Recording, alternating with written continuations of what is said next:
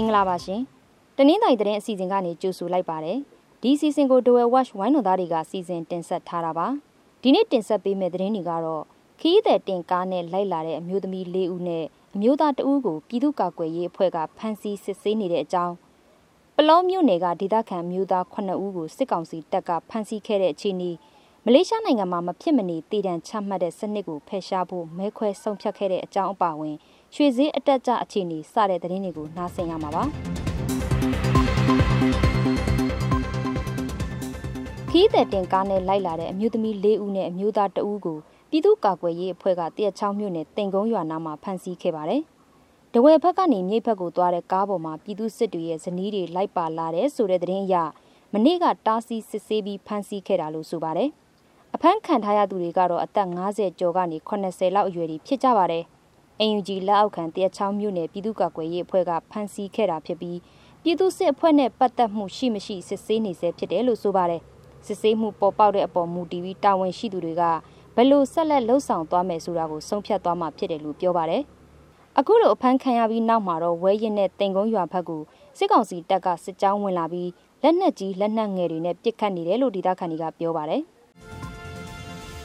ပလုံးမြို့နယ်ရှက်ပုံရွာမှာတော့ဒေသခံအမျိုးသား9ဦးကိုစစ်ကောင်စီတပ်ကမနေ့ကဖမ်းဆီးသွားပါတယ်။စစ်ကောင်စီတပ်ကစစ်ကြောင်းထိုးဝင်လာပြီးရောဘာချစ်နေတဲ့အမျိုးသား9ဦးနဲ့အခြားလူငယ်2ဦးကိုဖမ်းဆီးသွားတာလို့ဆိုပါတယ်။ဒါ့အပြင်နေအိမ်တွေကိုဝင်ရောက်ရှာဖွေခဲ့ပြီးဆိုင်ကယ်၈စီးလဲတင်ဆက်သွားတယ်လို့ဒေသခံတွေကပြောပါတယ်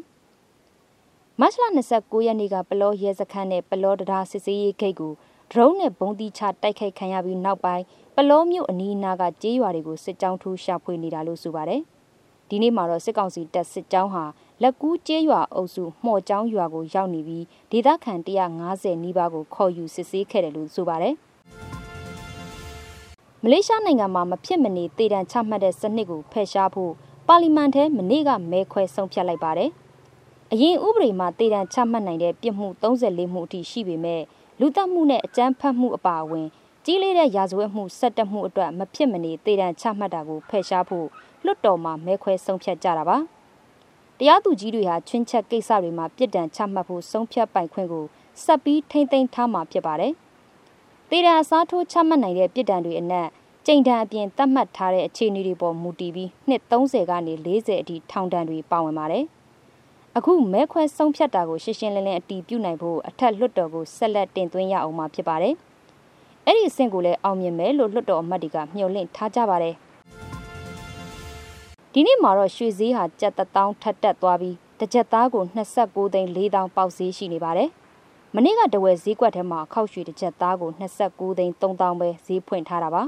ထိုင်းငွေဈေးကတော့မနေ့ကထက်အနည်းငယ်တက်လာပြီးတပတ်ကို83ကျပ်နီးပါးပေါက်ဈေးရှိနေပါတယ်။